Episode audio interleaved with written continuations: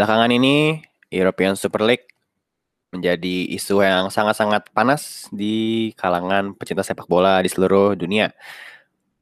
Um, kayak semua klub besar di Eropa itu berbon uh, ini mengkhianati sepak bola gitu ya dengan bergabung dengan uh, bergabung di turnamen atau liga yang dilarang oleh UEFA dan FIFA gitu kan. Lalu sebenarnya apa sih uh, eh, ESL ini? Bukan Indonesia Super League ya, European Super League. Uh, uh, apa sih yang bikin itu kontroversial gitu dan sekarang perkembangannya gimana gitu. Nah, selamat datang di Box Boys Podcast episode ke-24 bersama gue Zoltan sebagai host. Kita comeback setelah beberapa minggu nggak ngisi uh, karena uh, banyak banyak hal lah. Kalau mau di list itu banyak salah satunya adalah editornya laptopnya di Sandra sama ini ya apa service center dua minggu lebih dan baru bisa ngisi eh baru bisa lanjut sekarang kayak gitu. Nah di sini ada uh, Firza yang ngisi. Apa kabar Firza? Halo semuanya, baik alhamdulillah. Akhirnya ya, Gimana? ya ngisi lagi akhirnya, ya. Akhirnya ada kita kerjaan gue kan biasanya gue kan jam segini main kalau akhirnya sekarang ada rekaman. kalau kumpul kalau kumpul biasanya ngediskord, marah-marah ya kan. Oh, enggak sih enggak ada marah-marah. Oh, enggak ada marah-marah. Ya, gitu. Terus ada juga nih uh, satu lagi yang akan kita kita ngobrol. Ini dia pertama kali ya, uh, pertama kali ngisi ya kan setelah ber berapa episode kita ya? 30 episode kurang lebih lah. Baru ngisi dia ya kan. Kita perkenalkan Faruk. Apa kabar Faruk? Halo, alhamdulillah baik. Nah, lo eh, jadi gini Rok, kalau di podcast ini ada kayak semacam ini tradisi lo kalau baru pertama kali ngisi lo harus kenalin diri terus nyanyi Rok. Wah, Gak, gak, yeah. gak ada nyanyi, kenalin kenalin diri doang. Misalnya Faruk asal. Ah, lu mah gak asik lo, ja. Ah, Sekolah atau kerja gua, apa Gue kenal nama, status, pendidikan kayak gitu-gitu. Status boleh, boleh, boleh. Iya, nama boleh, sebenarnya boleh. nama pendidikan sih, tapi kayak uh, lu ah. kalau mau namain status juga gak apa-apa. Kenalkan nama gue Faruk, uh, nama asli gue Muhammad Faruk Alfansuri, panggil Faruk, panggil Agib juga bisa. Umur gue 20 tahun, dan gue kuliah di Politeknik Negeri Jakarta, jurusan akuntansi. Ya, lu tau lah orang akuntansi gimana, dan lu bakal tahu sih ke depannya gue bakal ngomong kayak gimana sih meskipun kita lagi bahas ESL, pasti lu bisa tebak akan ke mana nih arahnya. Kayak gitu. Ke arah mana nih? Ke arah hitung-hitungan. Aduh, Pak, saya saya saya skip, Pak. Saya ke arah ini sih, Pak. Arah duit sih, Pak. Arah duit, money. Money, money, iya, money. Iya, Yoi. Mem mem money. Ya, yeah, oke. Okay.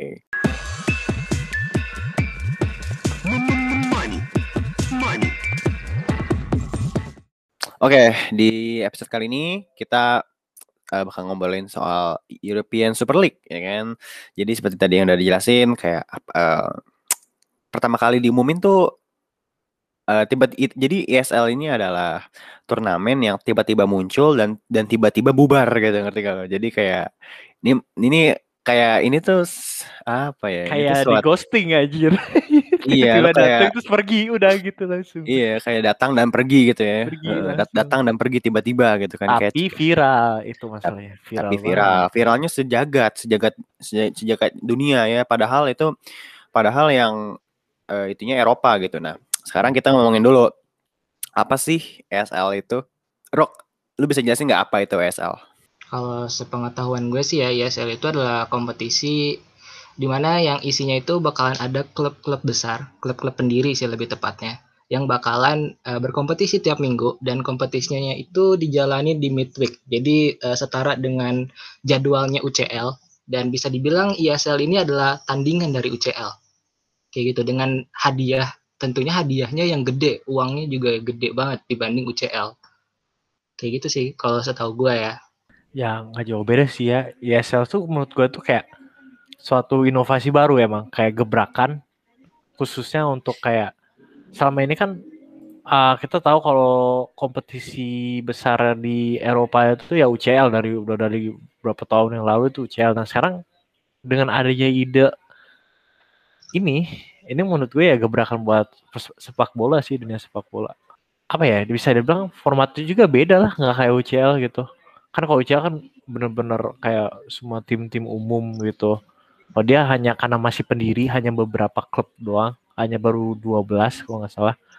Itu jadi bisa dibilang ya tim-tim besar. Tapi itu sih yang baru gue tahu gambaran sekelasnya. Kalau nah dari dari definisi-definisi lo tuh benar sih emang. Jadi ESL ini uh, kalau apalagi buat pendengar yang uh, kurang tahu soal sepak bola gitu ya. Itu tadi apa yang jelasin sama Faruk dan Keja itu benar. Kayak gitu. Nah, yes eh, apa eh, kita ngomongnya ESL apa ESL sih? ESL, ESL. ESL, nggak en nggak enak cuy ESL. Kayak lu ngomongnya mungkin European Super League ya langsung ya. Ya. European Super League nih. Jadi gitu European aja. Super League itu kalau yang gue lihat ya itu adalah semacam benar tadi tandingan kayak ibaratnya nih kalau di HI ya kalau pakai kon- konsep HI gitu ya At- eh, ada namanya konsep struggle for power gitu ada namanya balance of power gitu jadi eh, apa namanya jadi eh ES eh, European Super League ini adalah usaha bagi 12 klub pendiri ini untuk mengubah status quo kayak gitu. Di mana mereka tuh mendirikan liga sendiri, jatuhnya liga apa enggak? Jatuhnya liga berarti ya. Ya jatuhnya liga eh, kejuaraan atau liga lah gitu. Bahkan ada yang bilang itu kayak semacam ini International Champions Cup gitu kan yang pramusim, tapi bedanya ini di di, di jalaninnya di tengah-tengah musim ya kan Iya. di midweek. Iya. Dengan tujuan apa? Dengan tujuan karena memang si eh, dengan tujuan untuk kalau kata presidennya si Florentino Perez ya, Papa Fer- Papa Perez itu eh, untuk mencari duit gitu, cuan ngerti ya? Iya gitu. Soalnya karena ada karena ada masalah ya kan? Kalau karena ada kalau kalau kata Florentino Perez itu bukan cari duit Apa tuh? untuk untuk making football a great future lagi. Oh Jadi untuk iya, untuk karena masa apa? depan football lebih baik lagi. karena eh, eh, apa anak-anak umur 16 sampai 24 tahun tuh nggak nggak nggak suka tertarik lagi sepak bola iya. itu. datanya datanya dari mana itu nggak ngerti gue tapi kayak ya udahlah sama ini monoton gitu kan kayaknya dia Hmm. dianya aja yang kagak nonton bola ya kan soalnya nah nah sekarang gue mau sekarang eh, kita udah kita udah ngerti nih ESL itu apa gitu ya Hmm. ESL itu apa European Super League lah. European Super League ah gue gue malas ngomongnya itu kayak berapa tuh berapa silab silabel tuh European Super, Super League League. tujuh tujuh tujuh tujuh suku kata capek Pokoknya untuk penonton uh, Box Boy Podcast ini yang kita maksud yang pasti ESL yang ada di Eropa bukan di Indonesia ya. di Indonesia juga ada ESL. Pak. emang emang masih ada di Indonesia Indonesia ESL ya Kemarin beberapa tahun yang lalu ada Indonesia. itu sekarang apa namanya Oh, kan di diberhentikan kan kan malah diganti kayak turnamen-turnamen kayak Piala Kemenpora, Piala Presiden itu nggak tahu PSSI lah ada kon- konflik lah. Tuh yang ro- yang in- apa sponsornya rokok kan nggak salah ya? Iya, Jarum, Iya, jarum, jarum, jarum, jarum. jarum iya terakhir gue nonton itu loh udah lama banget cuy itu kapan ya terakhir ya? Itu bubar gara-gara ada dualisme. Oh iya sama kayak ini ESL ini. oh gitu Jadi Iya. ESL luar negeri itu berkaca sama Indonesia. Emang Indonesia Wah, udah kayak pelopor kayak gitu-gitu. emang Indonesia itu kiblat hal-hal yang unik gitu. Iya, Indonesia tuh kiblat semuanya gitu. Lu tahu nggak kayak Naruto, tuh apa namanya? Naruto kan ada tujuh Hokage ya, gitu ya. Naruto tujuh Hokage gitu. Nah di Indonesia juga ada tujuh presiden coy, dan itu mirip semua gitu. Kayak presiden ke kelimanya cewek, ya kan? Presiden apa namanya? Yang yang kedua sadis ya kan? Kan Tobi Rama kan sadis tuh, Soeharto juga sadis kayak gitu kan. Kayak gitu. Jadi emang Indonesia nih apa, Pak, ya? Pak, gak takut tukang bakso lagi pak? Gak ada. Itu tadi Oh, gue nggak takut sama tukang bakso lagi, soalnya tuh udah ada suara sirena di luar. sadis yang Yang itu- nggak punya anak cewek kan? Enggak, enggak dong. Iya. Eh ada dong, kan si eh tapi itu cucu ya jatuhnya. Tapi tetap aja ada ada koneksi kan. ya. Dari presiden pertama ya kan sampai sama presiden kelima. Si, Hokage, Hokage pertama, Hokage kelima kan itu cucu apa? Cucu kakek ya, cucu kakek. Iya. Iya, sama kayak sepak bola gitu. Jadi emang Indonesia nih keren gitu. Nah, eh lalu muncul kan pertanyaan gitu, kenapa sih ESL ini astaga kok ngomong ESL mulu. Kenapa sih European Super League ini menjadi sesuatu yang rame gitu loh, kontroversial gitu kayak emang kenapa eh, emang kenapa sih eh 12 klub ini bikin liga gitu loh. Eh, Apakah itu jatuhnya friendly atau gimana gitu kan. Nah, gue tangkap beberapa info gitu kan. Jadi intinya tuh ESL ini kan Uh, dia tuh lebih menguntungkan kan dari segi hak siarnya, dari segi hadiah turnamennya juga dengan lu gabung aja pendapatannya itu udah besar. Kalau bisa tahu berapa Ruk? Waktu itu lu jelasin dengan 3 dia gabung. miliar euro ya. Tiga, oh ya tiga miliar itu dengan lu gabung aja udah kayak udah dapat pemasukan yang besar dan uh, kalau gue lihat juga sih kayak uh, European Super League ini kenapa kenapa di dibilang friendly atau enggak sebenarnya ya depend sih. Menurut sudut pandang lu gimana? Ada yang bilang kayak ini tuh nggak adil dikarenakan hanya tim besar doang yang ikut. Jadi kayak ntar pamornya ya itu itu aja. Tapi kata gue sebenarnya ya niatnya itu bukan tim besar aja. Niatnya ESL itu mau dibikin uh, dua divisi liga gitu. Kalau ada yang ikut itu bebas untuk siapa aja kenapa yang ikut baru-baru tim besar? Karena yang gue dapat infonya itu tim-tim besar ini selama ikut kompetisi yang diadakan FIFA maupun UEFA itu mengalami kerugian. Dengan dia join UCL hanya hanya malah dapat kerugian yang lebih besar dibanding pendapatannya. Jadi keuntungannya itu dikit. Kalau menurut gue sih gitu. Kalau menurut Faruk gimana Iya, gue pengen nambahin uh, pendapatnya Firja. Jadi sebenarnya tuh para petinggi-petinggi klub, para pemilik klub itu udah jenuh dengan kompetisi yang diadakan sama UEFA. Di mana hadiahnya itu nggak seberapa. Bayangin aja nih, hadiah UCL itu 80 juta euro.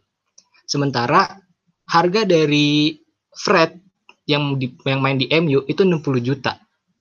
Kan kan nggak masuk akal apalagi Kai Havertz. Kai Havertz sendiri harganya 100 juta dan bahkan ya banyak pemilik yang nombok buat menambah penghasilan dari klub. Apalagi sekarang nih pada saat di pandemi gini ya, banyak klub yang kesusahan. Ambil contoh Arsenal Arsenal itu nggak punya uang buat bayar maskot. Bayangin aja itu.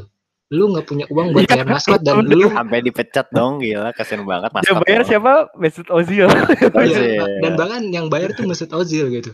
Dan memang uh, para petinggi itu udah jenuh dengan kondisi kayak gini gitu. Mereka pengen sebuah gebrakan baru yang bisa mengubah sepak bola itu menjadi lebih menguntungkan. Karena memang sebelumnya tuh nggak terlalu menguntungkan ya menurut gua ya. Kayak gitu. Jadi kayak nih kayak kayak Mesut Ozil aja gini Mesut Ozil itu main di Arsenal tapi dia nggak pernah main satu musim bahkan dan tahu gak dia tuh sebenarnya dapat gaji paling tinggi di Arsenal bayangin aja lu main di Arsenal lu nggak main tapi lu dapat gaji gede ya makanya banyak uh, pemilik itu yang jenuh kayak hal-hal kayak gini gitu gue tuh pengen dapat pendapatan yang lebih biar gue bisa uh, membangun infrastruktur baru buat stadion beli pemain yang berkualitas baik dari tim inti maupun cadangan. Banyak tim yang iri gitu sama Manchester City. Manchester City itu pemain utamanya, pemain cadangannya itu berkelas semua. Bayangin coba. Siapa sih yang nggak iri gitu? Liverpool aja yang juara Liga Champion nggak kebeli itu pemain-pemain yang berkualitas. Yang ada malah kebeli Ozan Kabak. Lu tahu sendiri lah Ozan Kabak tuh ben, kualitasnya gimana. Ben Davis, Ben Davis. Ben Davis. Ben Davis. Yota, Yota, eh, tapi Yota oke okay lah, Yota oke, okay. tapi nggak, tapi dia nggak world class, dia nggak world class. Iya, mediocre lah. kayak gitu. Mereka tuh kayak jenuh gitu. Ditambah uh, regulasi UEFA itu kayak gak transparan. Banyak ya, yang betul. yang bilang tuh kayak gitu. Pemilik tuh merasa jenuh, apalagi Florentino Perez ya. Emang bener-bener dia dia tuh kayak gue nggak nggak nggak transparan banget sih UEFA padahal UEFA ini kan dapat uang dari klub-klub yang ada di Eropa gitu Terus uh, sebenarnya induk utamanya sih di FIFA ya. FIFA juga dapat uh, uang dari UEFA dan kayak ya turun temurun gitu kan, kayak sistem piramid. Ya jadi kayak gitu. Mereka tuh butuh transparansi, mereka butuh gebrakan baru dari UEFA atau FIFA agar nantinya nggak nggak jomplang kayak gini gitu. Gue mau nambahin, nah, Bentar, bentar. Gue mau nambahin boleh, Dan lu harus tahu sekarang tuh apa? Pandemi, coy klub-klub gimana sampai Barca aja jualan masker. Barca yang penghasilan terbesar di dunia. jualan masker. Bentar, ya, ya. Bentar lagi itu, bentar lagi itu kalau jualan masker nggak laku dia jualan bakso aci, coy. Sumpah, gue sebagai fans, fans Barca diolok-olok fans lain, klub lu jualan masker itu buat nombok apa? Udah beli pemain ngutang, Coutinho, Griezmann ngutang, apa Sergio Des, apa uh, Frankie De Jong, Iya loh belinya ya. bener loh. Gue baru ingat dia belinya numpet apa ngutang kan dengan pandemi yeah. kasihan coy maksudnya klub-klub besar juga tiket siapa yang mau nonton kan udah tahu social distancing nggak bisa ke stadion apa lu harus bikin kayak apa link streaming gitu kayak HBO Max apa ini khusus Barca TV jadi khusus nyariin Barca gitu ya ya gitu. paling nggak sebesar tiket lu di stadion gitu anjir Nggak bisa juga Parah. soalnya kan biasanya siaran TV Hmm. kan itu udah dimonopoli gitu loh kayak sama betul. sama nggak bisa apa gitu. namanya sama distributor-distributor gitu. Jadi kayak lu kalau kalaupun lu mau manfaatin siaran TV itu susah gitu loh. Bahkan nggak bisa gitu loh. Kayak soalnya ya udah itu hak lu misalnya main di Liga La Liga gitu atau di Premier League gue taunya Premier League ini. Yang berhak nyiarin siapa? Itu BT Sport, Sky Sport gitu. Udah Beda. sisanya udah nggak ada lagi gitu. Nah, dari Sky Sport sama BT Sport itu mereka jualin lagi distribusi lisensinya gitu. Makanya kita tahu Mola kan, Mola sekarang. Mereka, mereka tuh Mola beli dari mana gitu. Nah, ini eh, apa namanya? Cukup menarik nih gitu kan. Kenapa jadi rame gitu. Apa bahkan sampai ini ya, sampai itu kayaknya satu fans satu dunia tuh kayaknya ini sih kaget sih dan shock gitu loh. Soalnya kayak gimana ya beberapa minggu sebelumnya kali ya atau apa gitu. Gue tuh emang pernah gue gue sih pernah dengar ya kayak kabar bahwa oh ya ini akan ada ini ada des- desas-desus ya kan eh, akan dibuat sebuah liga Kok- yang isinya ah, adalah dop, eh, yang isinya adalah klub-klub top Eropa misalnya gitu kan. Nah, itu gue kira itu kan dia kan dari FIFA. ya gue kira awalnya dari FIFA loh awalnya gue lupa dari mana pokoknya tiba-tiba udah em, itu wacananya emang sebenarnya udah lama kan tapi udah lama kayak udah lama beberapa minggu sebelum kemarin tuh dia naik lagi gitu loh wacananya terus kayak wah ini mah ngaco ini mah enggak lah gitu.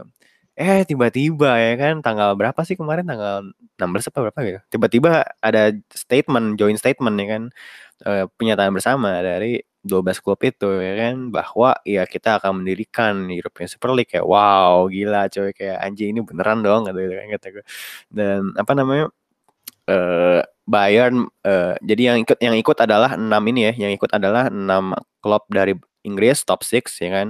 Tiga Eh, Itali. tiga Itali yaitu Tiga Juve Juve Ro- eh, Juve Milan sama Inter ya. Spanyol ada tiga tuh eh, Spanyol Barca eh apa Madrid. namanya Madrid sama Atletico kayak gitu. Dan itu wah itu kayaknya satu semua fans nggak cuman fans dari 12 klub itu ya tapi kayak dari klub-klub lain juga itu pada ngamuk gitu kayak wah ini apa ini elitisme nih kayak apa gitu kan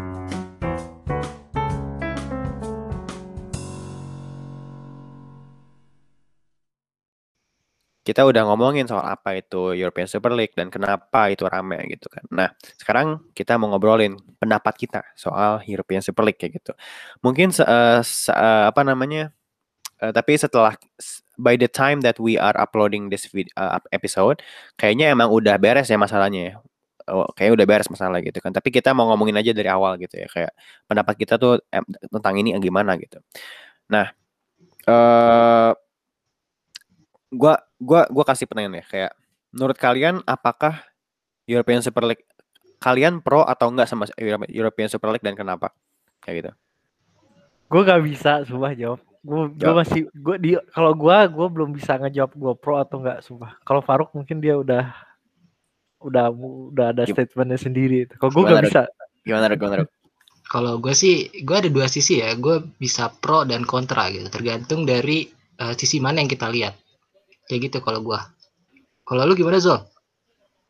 kalau gua kalau gua pro nggak co- coba lu coba lu tolong elaborate deh kayak maksudnya gimana tuh yang lu yang pendapat lu gimana tuh maksudnya Oh, mau dari gue dulu mungkin atau Faruk dulu Faruk dulu Faruk dulu Oke, dulu. kalau gue kalau dilihat dari sisi pro ya, gue gue lebih dukung ESL ada ini karena memang hadiah hadiah yang diberikan itu gede dan memang lu lu ikutan ESL aja udah dapat duit gede dan klub yang ikutan juga bisa sejahtera sih menurut gue ya. Sejahtera baik secara finansial atau baik secara ya kesejahteraan uang lah gitu kan. Kebanyakan pemain itu main di klub gede kan nyari duit. Bukan bukan dari ini ya bukan juga sebenarnya mereka juga ada niat untuk kompetisi juga tapi emang ujung-ujungnya duit gitu. Terus ya gue rasa kalau misalnya klub yang ikut ESL itu bisa memperbaiki apa yang kurang sih di klubnya kayak misalnya pemain terus infrastruktur stadion kan banyak nih klub-klub yang pengen bangun stadion tapi rencananya tuh banyak yang gak terjalan gue ambil contoh kayak eh, Chelsea sih. Chelsea itu udah ada rencana buat bangun stadion Cuman sampai sekarang entah entah gue belum update juga sih ya mengenai perkembangan update stadion ini, tapi belum terlaksana terlaksana juga gitu. Kayak gitu. Terus kalau kontranya nih gue nggak setuju sistem yang ada di ESL itu uh, ngambil Big Six-nya ya, karena Arsenal aja bukan ada di Big Six. Arsenal tuh ada di mana sih? Gue juga nggak tahu di klasemen. Udah gitu terus Liverpool ya. Liverpool aja belum tentu bisa masuk Champions League saat ini gitu. Mereka masih kejar-kejaran sama West Ham gitu kan. Mereka kelabakan soalnya lapis duanya cacat cuy sampah semua lapis duanya. ya kayak yeah. gitu maksud gue tuh kayak ya Big Six itu kan sebenarnya berubah gitu. Tapi kalau misalnya kalau kita lihat dari tradisional Big Six ya emang emang itu tim-tim Big Six itu kayak gitu. Tapi kan sekarang muncul kandidat baru kayak Leicester yang sekarang superior bisa bisa saingan gitu. West Ham, West Ham juga. Iya West Ham juga kayak gitu-gitu kan. Nah, menurut gue sih bakal lebih bagus ya ESL tuh kalau misalnya ya ada format kayak Big Six-nya itu ditentuin secara itu secara kompetitif di mana ya tim yang bisa berjuang sampai eh, peringkat ke-6 itu bisa masuk ke ESL kayak gitu. Daripada klub kayak Arsenal gitu yang bahkan gak punya niatan buat bertarung ya ngapain gitu loh.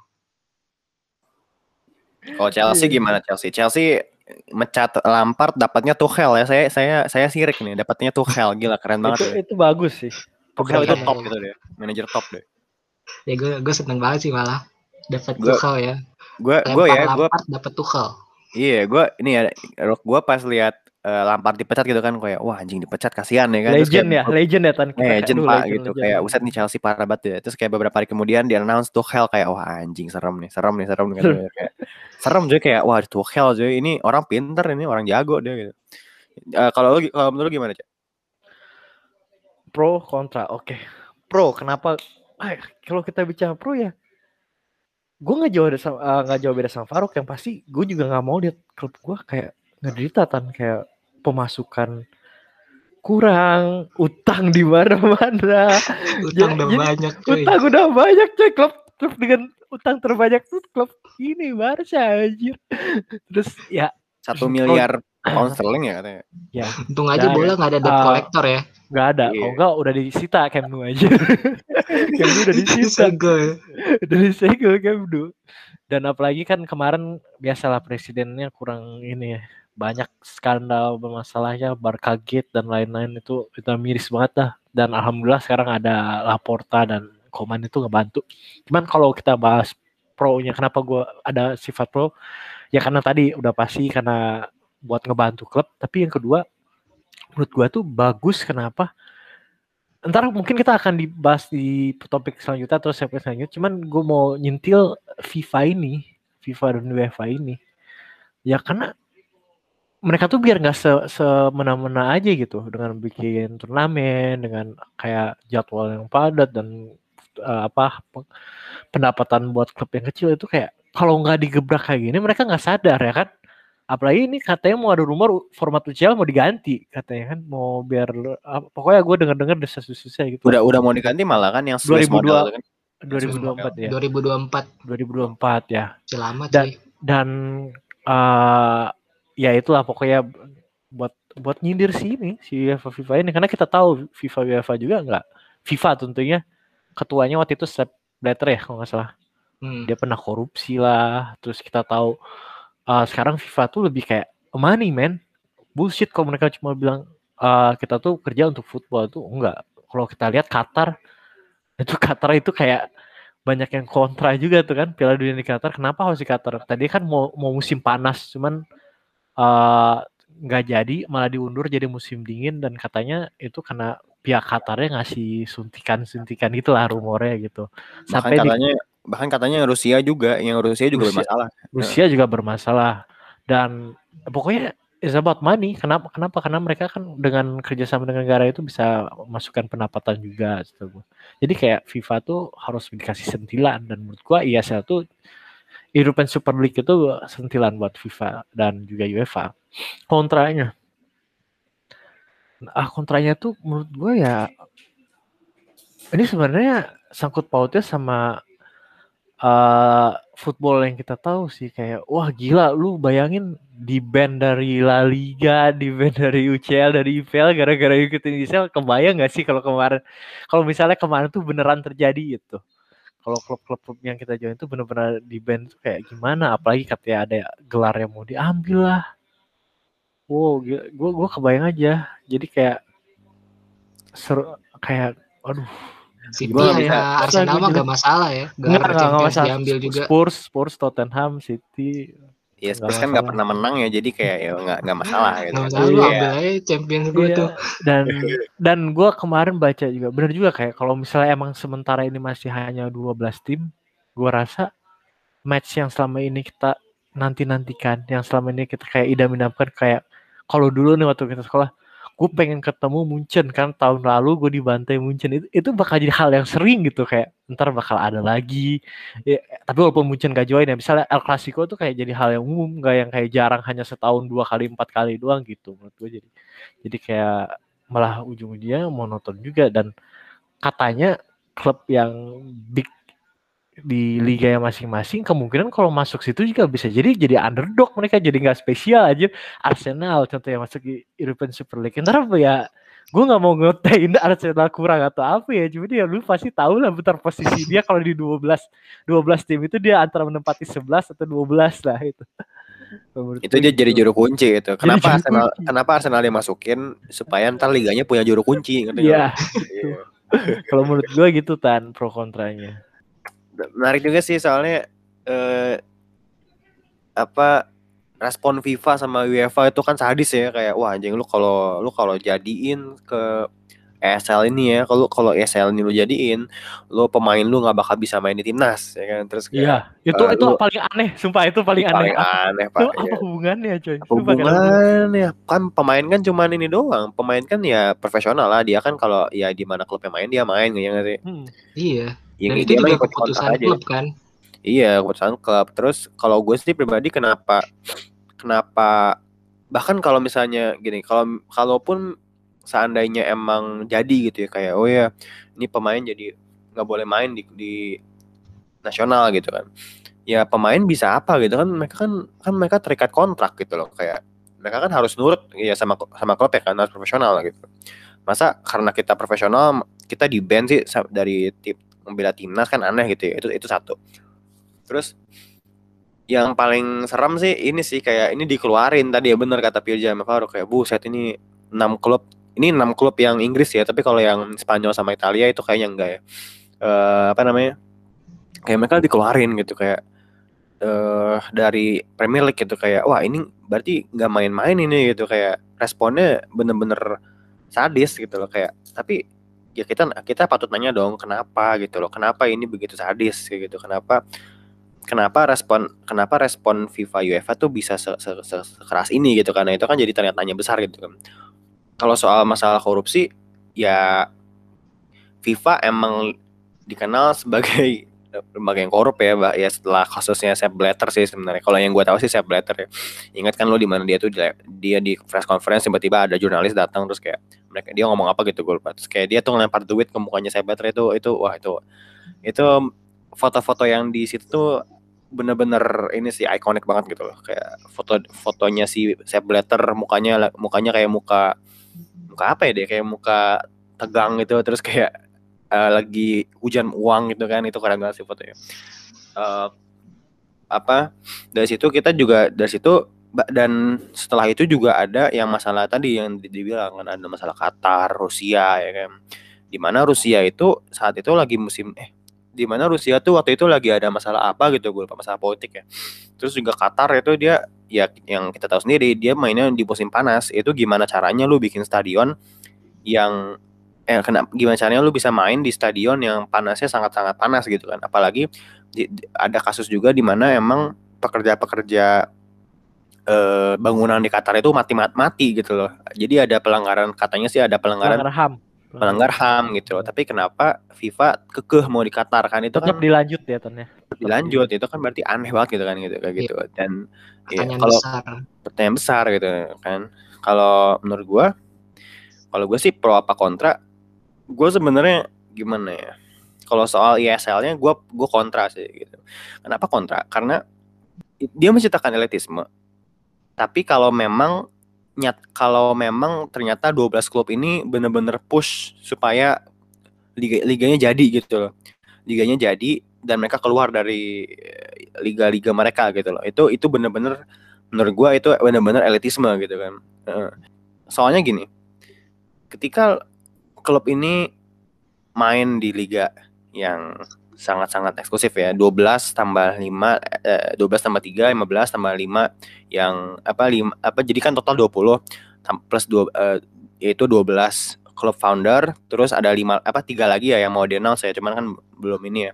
Terus kayak belum di announce terus 5 itu adalah klub-klub dari liga-liga yang nggak tau lah liga mana yang tapi dia tuh dinilai berdasarkan performance di musim lalu gitu kan itu benar-benar menciptakan sebuah ini sih menciptakan sebuah elitisme di mana ya ini the big boys uh, big boys anak-anak kaya gitu ya itu pada main gitu pada main di liganya sendiri gitu. Kagaknya kagak nimbrung sama klub-klub yang kere yang miskin kayak gitu kan kayak gitu. Dan kalau misalnya emang jadi nih kayak oh ya nih ternyata MU six, big six itu pada keluar ya kan dari Premier League gitu ya misalnya. Ya mereka uh, orang-orang gue yakin 100% nih orang-orang yang di luar Inggris misalnya gitu ya ini ini ini konteksnya Inggris ya Premier League gitu. Mereka bakalan lebih suka nonton European Super League gitu loh. Kenapa? Karena fans di luar Inggris itu cuman suka sama Big Six. Kayak gitu. Jadi ya Liga Inggris bakal mati gitu loh. Kayak liga-liga Inggris yang ya isi, isinya tuh tanda kutip, tanda kutip wong cilik lah ya gitu ya wong, wong cilik gitu kan bakal berhenti bakal gagal laku gitu loh gitu. Bahkan juga gue ya dan ini sangat-sangat berlaku di Liga Spanyol di mana ya lah cuy Spanyol ya lah siapa sih? Paling Barca Madrid sama Atletico udah tiga itu doang gitu. Lu lu lu kasih tahu gue fans orang fans yang suka Almeria lu lu gue kasih duit coy sumpah. Fansnya Kadis gitu. LC LC LC Vale, uh, Valencia mungkin ada ya. Valencia masih banyak Valencia, Valencia masih banyak. Lu cari lu cari orang yang suka Deportivo yang bener-bener ah. fans gitu. Lu lu gua kasih eh, Tapi Deportivo pernah juara waktu UCL. Itu dulu. Dulu masih punya sejarah. Uh, coba misalnya Real Betis banyak. Betis, Gak ada. Oh, apa lu lu kasih kasih gua kasih duit anjir kalau ada nemu orang kayak gitu di Indo, Indo misalnya gitu ya. Tapi kan intinya the point is itu sangat kecil gitu. Kalau di Italia oke okay lah banyak lah. Soalnya kan Italia kan dulu kan bolanya benar-benar ini ya mendominasi ya di abad yeah. di, di abad di awal di 90-an ya masalah. Mm. Eh di awal-awal 2000-an nggak salah. Nah, kayak uh, Milan, gue inget banget tuh pas lagi main PS itu ada kayak poster-poster apa Cagliari, Udinese kan itu di poster-posternya ada di kereta PS gitu kan kalau kalau Italia Roma juga Roma ya kan banyak gitu loh tapi Fiorentina. ya tapi kalau lu ngomongin Italia ya big boysnya adalah ya itu Inter Milan. Ya, Inter Milan sama Juve kayak gitu um, terus kalau misalnya kontra gue kontra sama ISL karena ke depannya ISL ini bakalan apa ya ujung-ujungnya nggak laku gitu loh ya nggak sih ujung-ujungnya nggak laku gitu. Kenapa? Yeah. Karena soalnya lu tuh disuguhi sama pertandingan eh, pertandingan-pertandingan yang big match tapi tapi lebih sering gitu loh. Hmm. Jadi kayak gue omong tadi kan kayak yeah, jadi nggak spesial, jadi nggak kayak kurang dapet feel kayak, gitu. Iya, oh kayak ya udah oh anjir malam ini uh, oh malam ini ada Barcelona MU ya kan? Wah keren nih. Terus kayak nonton seru nih. Terus kayak hasilnya gimana gitu kan? Terus kayak oh ya udah oke. Okay. terus kayak oh ada lagi nih like uh, oh, Barcelona MU lagi Barcelona MU ya oke oke oke. Terus kayak lama kelamaan wah anjing bosan juga gitu Barcelona MU jadi there's nothing special about it gitu loh. Kayak susah gitu loh. Susah untuk uh, kan kalau kata siapa pemain siapa gue lupa ya. Ada pemain bola yang bilang kayak hmm, ya uh, kenapa big match itu kan spesial gitu ya kayak lu you cannot recreate lu nggak bisa meniru eh, nggak uh, bisa mencipt apa ya meniru rasa uh, apa pertandingan big match itu uh, di pertandingan-pertandingan liga gitu loh. Uh, kayak soalnya lu lu bakalan uh, lebih antusias untuk nonton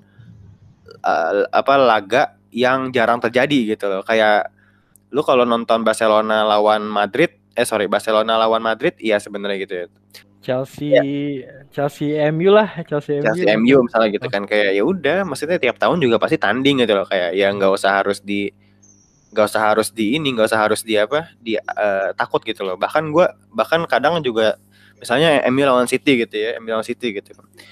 Kadang gua sebagai fans MU takut gitu loh kayak lawan City kayak anjing ini Pep mau ngapain nih Pep mau ngapain? gitu kan. Terus kayak taunya soalnya eh nggak ada spesialnya gitu loh kayak kalau ketemu ya udah lawan City biasanya kalah kan misalnya gitu atau enggak enggak tapi kalau MU biasanya menang deh soalnya jago oleh Eh, in- apa ada tuh teorinya Ruk, lu gue tahu gue yakin lu tahu nih namanya eh, theory of marginal di, apa diminishing apa sih Law of diminishing, diminishing return.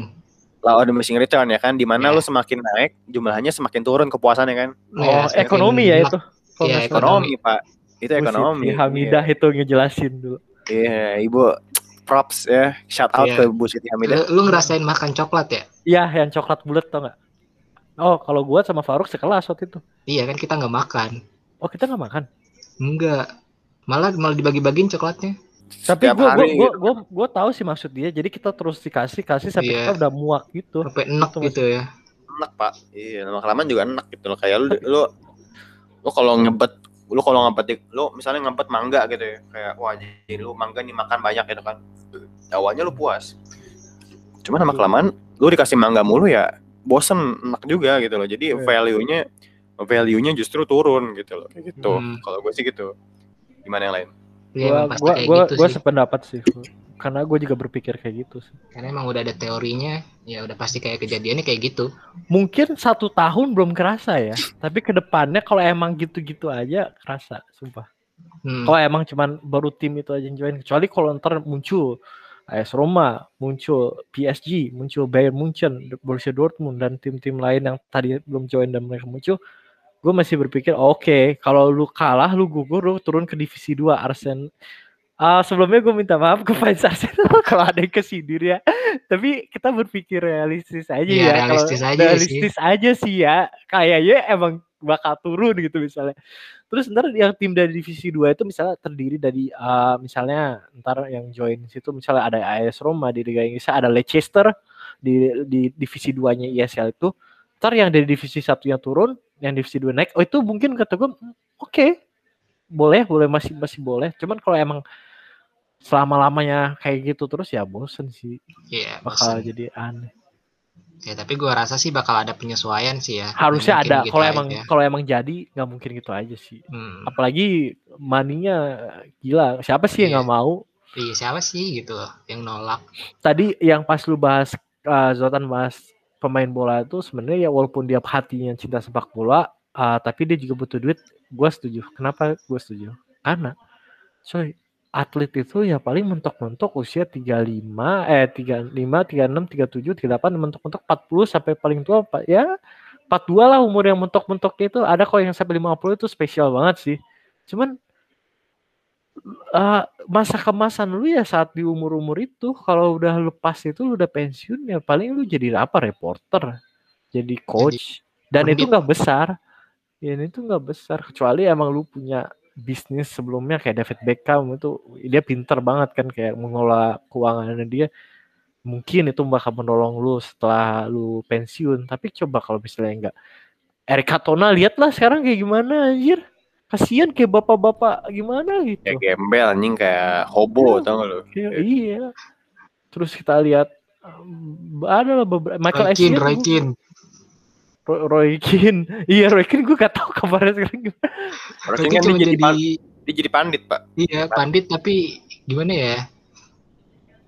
Penilaiannya kayak publik tuh ngeliatnya kayak ini dia jadi pandit kayak gimana gitu ngasih taunya Terus ada agak kita lihat ke Ronaldinho lah Iya. kemarin kena kasus dia gara-gara paspor palsu kan itu ke oh iya Ronaldinho kasihan coy dia dia di penjara di penjara Paraguay pak Penjara Hmm. Paraguay. Iya. kayak gara-gara pemalsuan apa pemalsuan paspor tuh ya parah banget anjing. iya Banyak. banyak kan banyak beberapa pemain bola yang pensiun tuh ya, ya kalau dia emang nggak ada uh, dia udah nggak nge-planning ya udah udah kayak lu mau dapat duit dari mana gitu dan kalau Hmm. menurut gue ISL itu kayak lu ya saatnya kalau lu join itu ya lu kumpulin uang lu buat tabungan lu ke depannya gitu. Ada harapan untuk pemain yang gajinya kecil dengan dia masuk ISL itu akan menolongnya menurut gue gitu.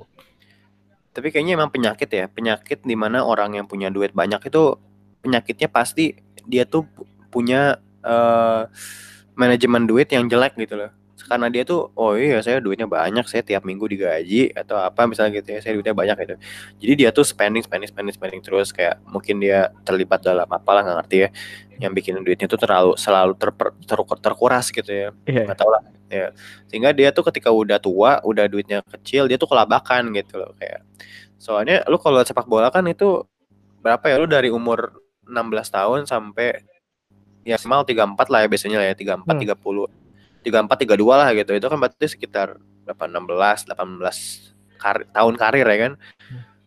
ya tapi harusnya kalau lu main di liga yang oke okay, kayak Premier League itu harusnya lu kalau misalnya digaji pound, digaji pound sterling gitu ya hmm. untuk per minggu gitu per ribu-ribuan pound sterling itu harusnya lu udah oke okay sih tapi nyatanya banyak aja pemain-pemain yang masih yang ya kayak kasusnya kayak Ronaldinho gitu kayak gue nggak nyangka gue nggak gue awalnya nggak pernah nyangka Ronaldinho bisa kayak eh, ini ya Ronaldinho tuh bisa miskin gitu loh. Tapi karena ini ya karena ada penyakit orang Brazil ya penyakit superstar Brazil uh, kayak ya, Ronaldo. star syndrome. Lah ya star syndrome ya di mana kan mereka ini kan orang Brazil kan dia kan uh, dia kan negara dunia ketiga ya. Maksudnya dia negara berkembang ya Brazil. Hmm.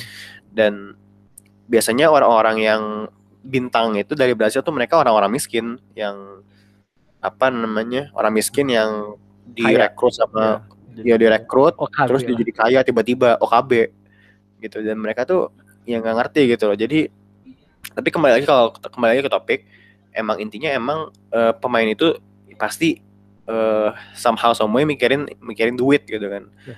dan ini juga perlu di perlu di ini sih kalau menurut gue kenapa uh, eh, ESL ini bener-bener di push gitu ya bukan jadi wacana lagi gitu. Hmm. itu karena covid sih. Yeah. karena covid pandemik. Di mana lu tuh fans itu nggak bisa nggak bisa eh sorry lu kalau kan covid itu kan memaksa lu duitnya ini ya duit lu jadi seret lah.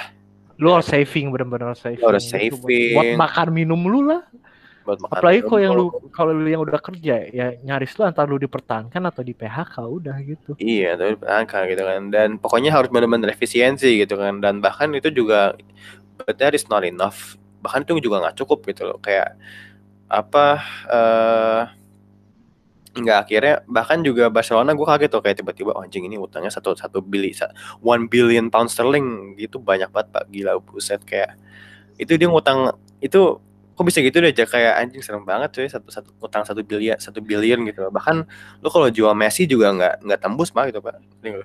Iya. Masih ada sisa. masih ada sisa. Iya maksudnya Messi tuh sebagus-bagusnya Messi itu kok nggak bisa bayar utang segitu anjir? Kayak buset deh. Manajemennya buruk sangat buruk di era Josep Maria Bartomeu itu sangat buruk Iya, di, jadi di, di, hubungannya ya udah pokoknya ntar gue harus bikin episode kalau mau bahas. Sebobrok-bobrok ya klub gue kayak gimana. Boleh tuh. Episode kita nge ini ngerosting tim sendiri gitu. Sendiri sendiri. mau, mau ngerosting Chelsea kayak gimana MU kayak gimana. Tuh lu dapat kado baik tuh kan?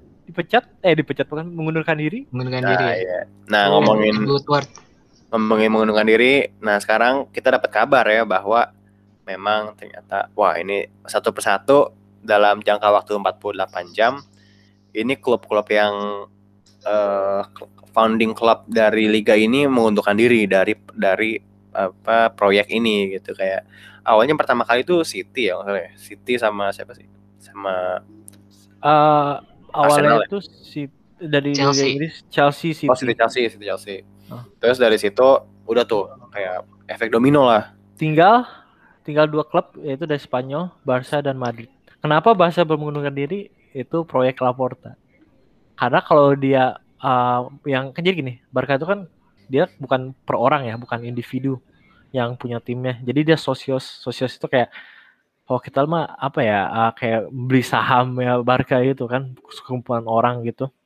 Dan itu kalau misalnya mereka menolak, itu Barca nggak harus bayar denda. Jadi si Laporta itu sebelum dia tekan kontrak dengan ISL itu dia udah kayak buat uh, udah bikin kontrak itu jika Sosius menolak adanya ISL, maka uh, maka Barca tidak akan dikenakan denda sama sekali. Itu perjanjiannya gitu. Makanya sekarang dia masih ISL. Jadi cuma tinggal dua tim itu dan Madrid ya lu tahu sini Fiorentina Perez. Ketuanya coy. Dan dia dia masih kekeh walaupun kata orang disuruh mundur. Karena presiden kan foundernya itu uh, termasuk presiden Juve juga gue lupa namanya. Menurut kalian kenapa sih klub-klub itu nggak nggak kekeh gitu pengen bikin European Super League? Kenapa mereka tuh akhirnya kena tekanan dari FIFA sama UEFA dan dari fans akhirnya mundur gitu loh? Kenapa? Menurut kalian kenapa? Kalau kata gue sih faktor fans ya. Maksudnya uh, bukan sebenarnya mana ya? Karena apa sih sepak bola sama fans itu gitu? Kebayang gak sih? Lu lu mau jalannya gimana kalau fans lu sendiri nggak setuju? dengan adanya ISL itu? Walaupun ada juga yang setuju menurut gua gitu. Jadi nggak nggak nggak sepenuhnya. Mungkin mereka ada pertimbangan-pertimbangan. Mungkin ada yang ada beberapa tim yang lebih mentingin fans. Ada beberapa tim yang takut dengan aturan UEFA FIFA. Masih belum jelas juga sih. Emang ini sesuatu yang aneh yang datang dan hilang secara tiba-tiba aja tapi gue bisa berasumsi ya saya gue gue pernah baca nih dari berita-berita oh. ada yang bilang entah itu benar atau enggak ada yang bilang FIFA atau UEFA itu uh, ngebayar denda yang ada di ESL ke tim-tim yang mau menguntungkan diri jadi oh, kayak gue baca gue baca iya ada kan berita kayak gitu jadi kayak ESL itu nggak nggak kayak lu bisa masuk bisa keluar dengan gampang kan pasti ada ada perjanjian kontraktual di mana lu harus membayar denda kalau misalnya lu keluar dan ada asumsi di mana FIFA itu yang ngebayar dendanya. Jadi kayak lu keluar, ya gue nggak rugi-rugi juga gue keluar gitu karena FIFA yang udah bayarin. Ada asumsi kayak gitu tuh. Uh, ah, gue juga dengar asumsi uh, Boris perdana menteri Inggris itu juga mengeluarkan statement agar tim-tim IPL kan keluar ya dari ISL itu dan ah emang dari si dari situ muncullah tadi yang kata Faruk itu. FIFA yang bayar denda ISL-nya Iya kayak gitu. Tapi ya gue tahu itu khusus tim Liga Inggris sih yang gue denger ya nggak tahu tuh berlaku untuk tim yang lain atau enggak beritanya sih baru seperti itu. Dan ini masih panas sih walaupun mas maksudnya belum benar-benar berakhir masih jadi kayak apa sih orang tuh bingung gitu apa sih yeah. orang itu masih kayak itu kayak lu ada ini gitu. apaan sih gitu terus tiba-tiba gini tuh lah jadi ya gitu lah apa, apa sekarang gue tanya dok gue mau tanya kalau misalnya ini udah nih tim-tim ini udah udah keluar kan dari ESL. Ini bakal kena sanksi ya nggak ada di FIFA? Nah, ya itu dia.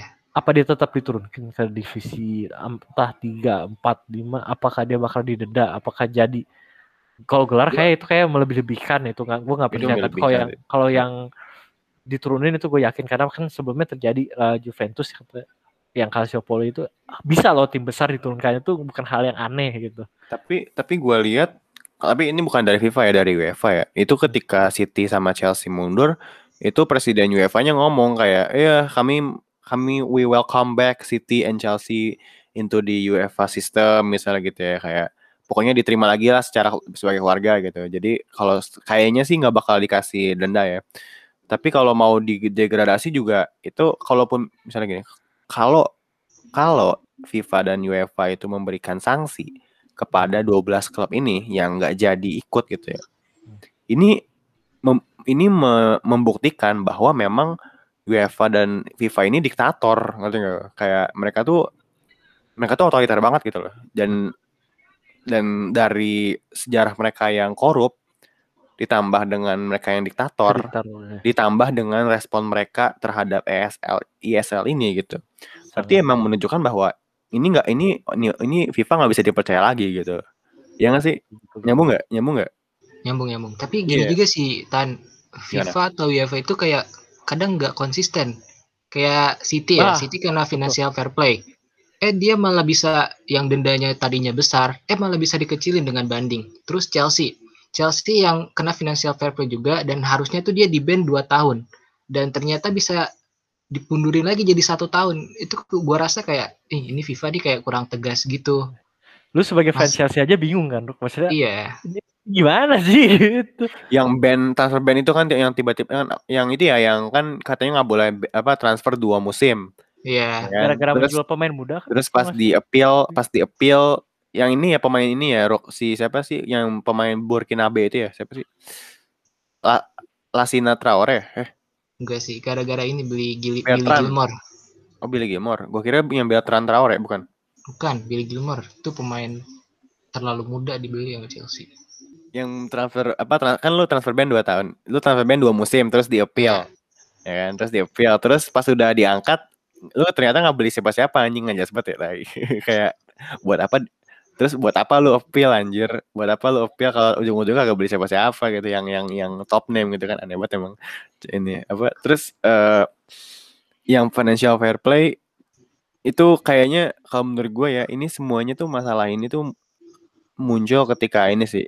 Sebenarnya kalau dilihat dari emang dari Roman munculnya Roman Abramovich ke Chelsea di mana emang dia tuh kayak nyuntik dana ya kan Rok ya dana tuh dia cuntikin ke Chelsea ini, ini beli pemain mahal atau apalah gitu Hmm. nah terus eh diikutin sama klub-klub Inggris gitu kan tapi yang paling ekstrim itu adalah ketika PSG dibeli sama eh, pemiliknya yang sekarang gitu kan Aser. dan Nasser Al Khelaifi.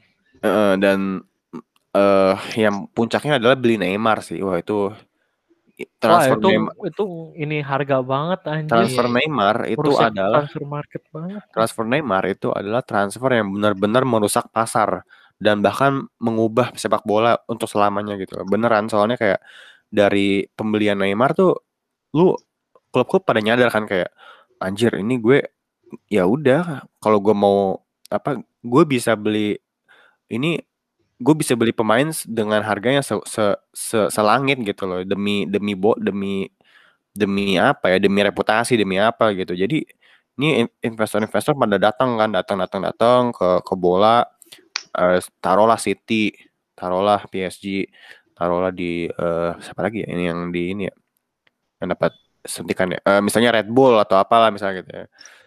Jadi jadi klub-klub bola yang di backing uang yang kuat gitu ya itu mu- bermunculan gitu loh. Dan klub-klub yang tradisional yang apa namanya klub-klub tradisional yang yang kagak yang kagak ngandelin uang awalnya gitu ya ya mereka kan mulai tergerus sama kompetisi-kompetisi dari klub-klub uang ini gitu kan.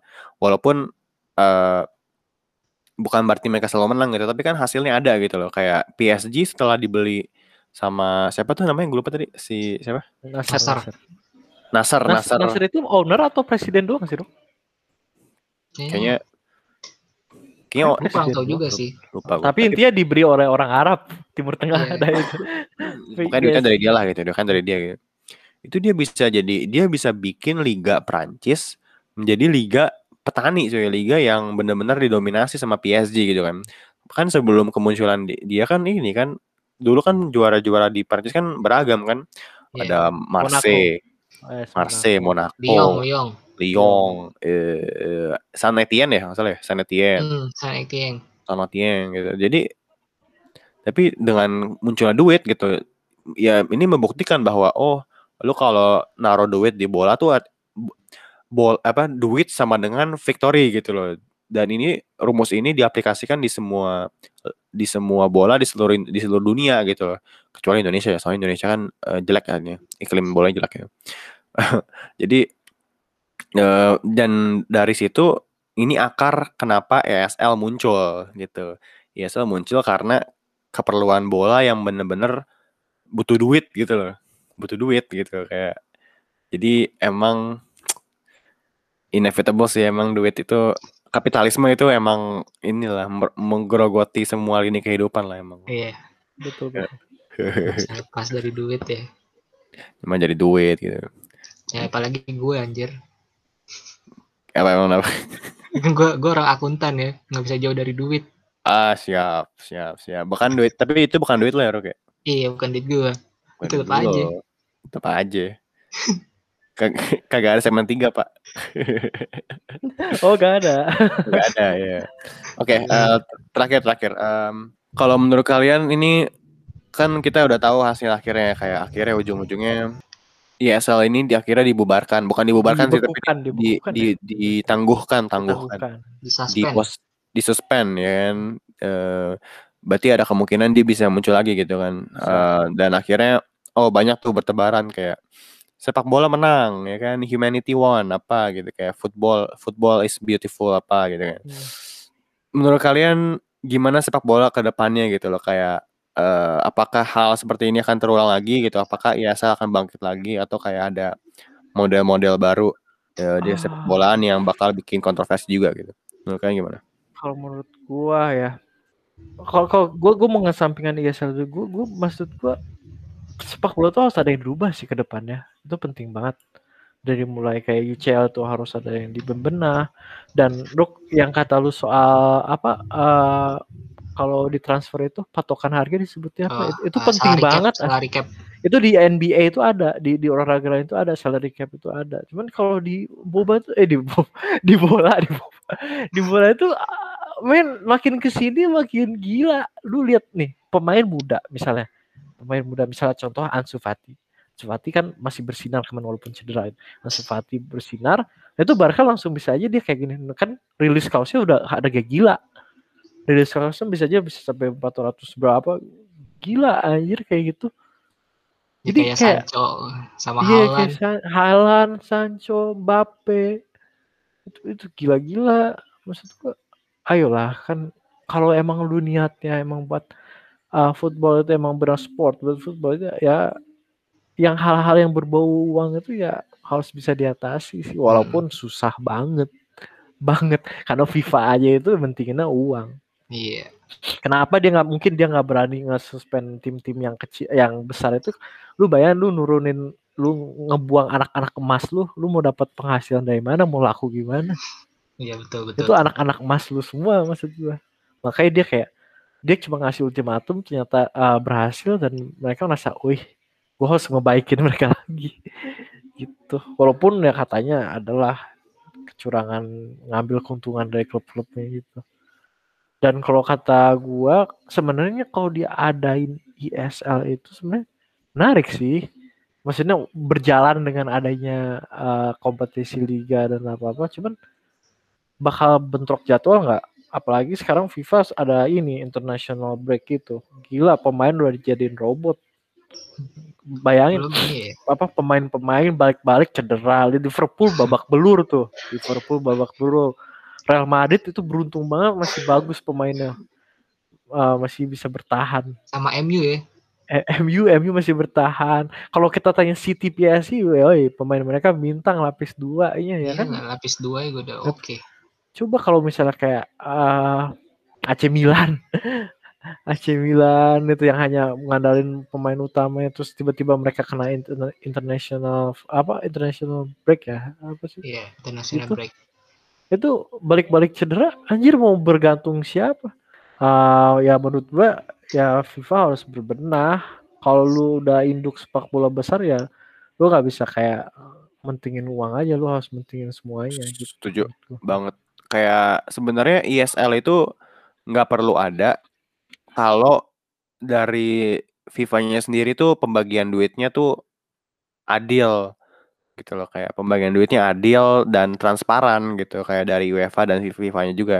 Tapi kan that's not the case ya di mana emang eh yang tadi Faruk bilang kayak ini duit aja dikit banget gitu loh dapatnya gitu. Itu bahkan juara Champions League gitu loh itu kan itu dikit banget coy gitu tapi gue bingung loh eh, kenapa gue bingung loh dari awal kayak kenapa ESL ini nggak dianggap sebagai ya udah sebagai friendly aja gitu ngerti nggak lo sebagai friendly kayak ICC gitu loh tapi kenapa emang kenapa bang bisa dapat backlash yang sekeras ini gitu loh ada yang ada yang tahu nggak kenapa Kalau gua rasa sih ya, karena mereka eh, bad PR. Mereka mereka mengkomunikasikannya secara nggak benar.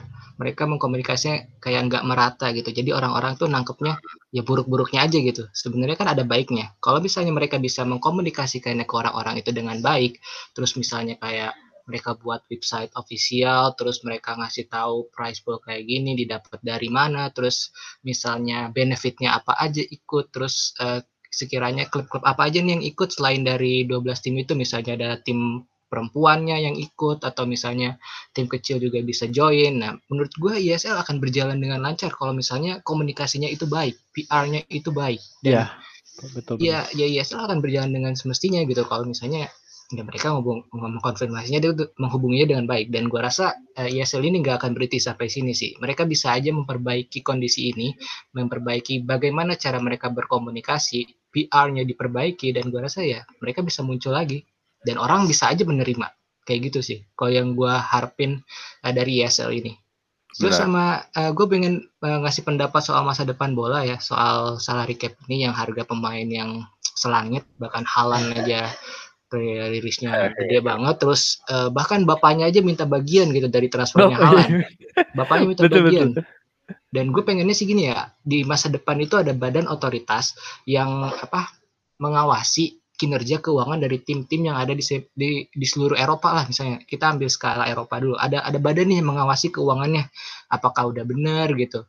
Uh, transfer pemainnya sudah benar, risk clause-nya udah benar, dan ada fee-nya. Fee-nya itu dibatasin berdasarkan misalnya nih, uh, fee untuk halan 10%, fee misalnya buat agen kayak gitu. Dan ada yang mengawasi misalnya halan ini terlalu mahal, jadi harus diturunin. Gue pengennya sih ada badan yang mengurusi keuangan gitu, yang mengawasi keuangan-keuangan. Kayak misalnya kalau di Indonesia tuh kayak ada OJK ya, Otoritas Jasa Keuangan yang ngawasin bank-bank keuangannya ini bener apa enggak gitu.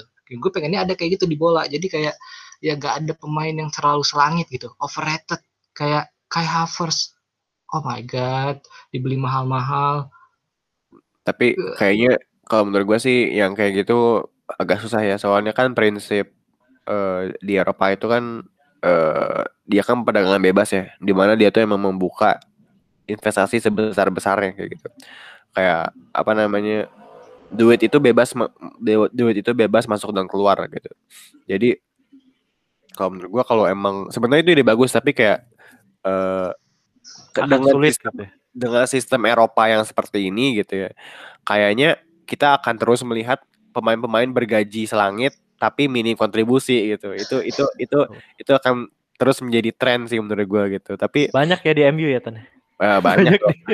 Alexis Sanchez, Alexis Sanchez. Numpuk banget dia kayak gudangnya di situ ya. Apa kiblatnya kata-kata itu ada di Manchester United. Saya nggak akan pernah, saya nggak akan pernah lupa itu Alexis Sanchez dibayar tiga ratus ribu pound sterling seminggu tapi cuma mainnya main piano doang sama sama apa ngebacot di ini ngebacot di apa di IG ya kan.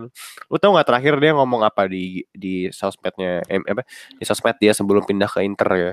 Saya nggak bahagia di MU ini saya saya kangen ini ini ini gitu. Kayak saya dari awal datang saya tuh nggak dapat ini dapat apa saya nggak saya nggak merasa vibe-nya jelek apa gitu. Kayak ah tai lu lu kan dibayar tiga ratus ribu masa masa komplain sih gitu, kayak buset dah coy gitu kan. Kayak apa namanya jadi emang tapi gue juga setuju sih emang harus ada reformasi besar-besaran di FIFA. Kayak apa namanya bener-bener harus gimana ya harus bisa mengakomodir kepentingan fans lah gitu. Tapi kalau gue sih pesimis ya gue pesimis gue gue dari sudut pandang pesimis melihat bahwa kayaknya emang selama eh soalnya industri ini kan udah menjadi industri ya gitu. Hmm. Udah menjadi industri yang besar gitu loh dan industri ini tuh ada aktor-aktor yang emang bener-bener ya aktornya kan beru ya basically perusahaan. Ya kan klub itu kan perusahaan basically itu. Dan ketika klub itu udah di udah jadi perusahaan, ketika yang mengelolanya itu adalah orang-orang pebisnis gitu kan. Ya pasti pola paradigmanya pasti paradigma bisnis gitu loh, bukan paradigma seorang sportman gitu loh, seorang olahragawan gitu loh. Jadi uh, apa namanya? Uh, kayaknya kayaknya kita akan terus melihat tren seperti ini gitu loh, kayak money money money money money gitu kan gitu. European Super League is money gitu. Nggak cuma Super European Super League tapi emang football in ya, sekarang itu money gitu kan. Kecuali football in the modern area is money. Yes, Gimana? kecuali di Indonesia di mana gajinya kecil, Pak. Minim. Minim. Dan nunggak ya. Iya.